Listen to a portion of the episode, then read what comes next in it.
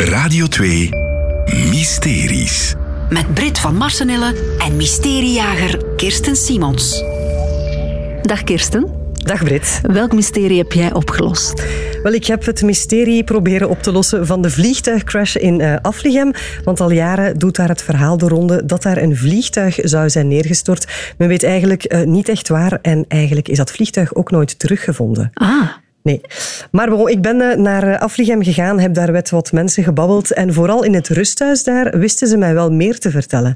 Enkele van die mensen die hebben dat als kind nog gezien, ja? dat vliegtuig. Er was wanneer zou het vliegtuig gecrashed zijn? Wel, dat zou in eh, de Tweede Wereldoorlog gebeurd zijn. Okay. Dus toch meer dan 80 jaar geleden. Mm -hmm. En daar waren dus bewoners die dat nog gezien hadden. Er was zelfs een man die mij kon zeggen in welke straat dat was gebeurd. Dat was in de Houwijkstraat in Essenen. En dan was er ook nog een vrouw die zelfs zei dat daar recent uh, spullen uit de grond waren gehaald. En dat blijkt te kloppen, want ik heb de man gevonden die daar effectief uh, dingen uit de grond heeft gehaald. En wat hebben ze gevonden? Wel, um, ze hebben daar kogels gevonden, uh, ook blikjes van een noodrandsoen en ook een stukje aluminium. En die man die dat eigenlijk had gevonden is Tim Kind. Dat is iemand die geïnteresseerd is in de geschiedenis van Afligem en ook in de oorlogsgeschiedenis. Ja, en die heeft mij dat stuk aluminium getoond. En je kan met zekerheid zeggen dat dat stukken zijn die afkomstig zijn van dat gecrashte vliegtuig. Ja, dat kan ik wel met zekerheid zeggen, want um, ik heb dat gevraagd aan Sinderik de Dekker. Dat is eigenlijk de expert als het gaat om luchtvaartgeschiedenis. Die weet zowat alles van alle mogelijke crashes die er met vliegtuigen gebeurd zijn in ons land.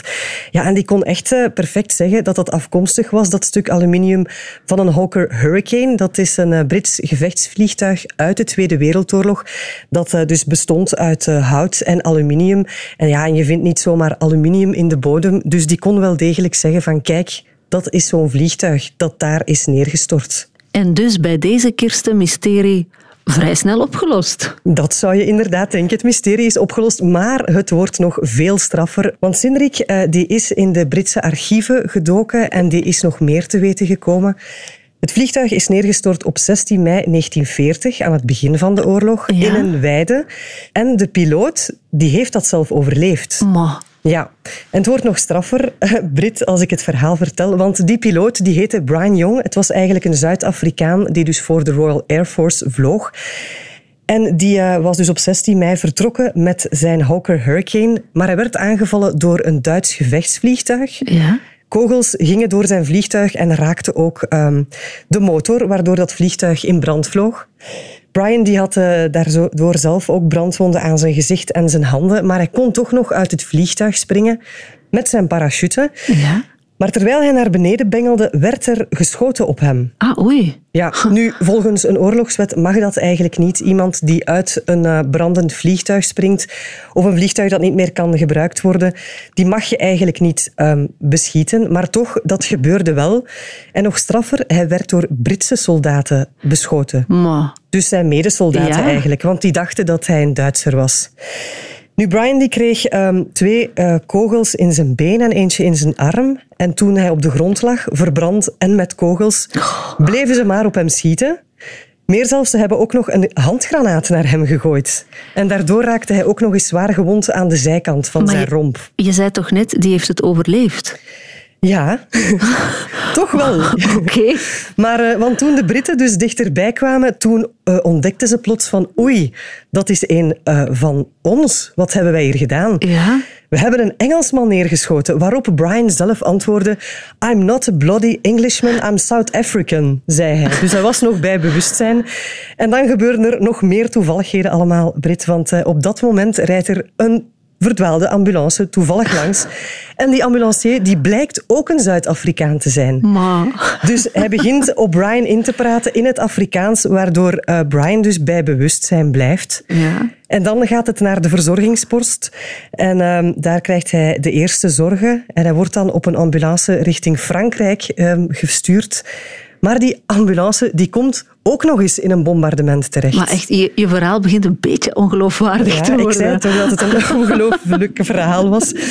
En dus, die uh, wordt dus gebombardeerd, die ambulance. En uh, drie van de vier inzittenden die komen daarbij om. Alleen Brian niet, die leeft nog. Onwaarschijnlijk. En uiteindelijk wordt hij met de boot naar Engeland gebracht, waar hij dan uiteindelijk twee jaar in een militair ziekenhuis verbleef. En daar kreeg hij um, toevallig bezoek van de verloofde van zijn zus, die had gehoord dat Brian daar lag. En die zei, je moet elke dag met je handen bewegen. En die raad heeft Brian opgevolgd en dat is blijkbaar wel erg belangrijk, want daardoor is hij genezen aan zijn handen en kon hij daarna terug gaan vliegen. Want er zijn blijkbaar heel veel piloten waarvan de handen verbrand zijn, die daarna nooit meer kunnen vliegen. Oké. Maar Brian dus wel. En hij is eigenlijk gewoon heel zijn leven blijven vliegen, blijven werken bij de Royal Air Force. En hij is zelfs een van de topmannen uh, daar geworden. Onwaarschijnlijk. En het verhaal wordt nog mooier om af te sluiten. Want in dat ziekenhuis heeft hij ook een verpleegster leren kennen. Ja, ik, ik was erop aan het wachten, eerlijk gezegd. het is zoals een film. Dat is inderdaad later is die verpleegster zijn vrouw geworden. Oh, echt waar. Een kat heeft negen levens, maar Brian heeft er toch ook wel een aantal. Absoluut. Wat een verhaal. Dankjewel, Kirsten. Graag gedaan. Meer mysteries? Volg alles in de Radio 2-app.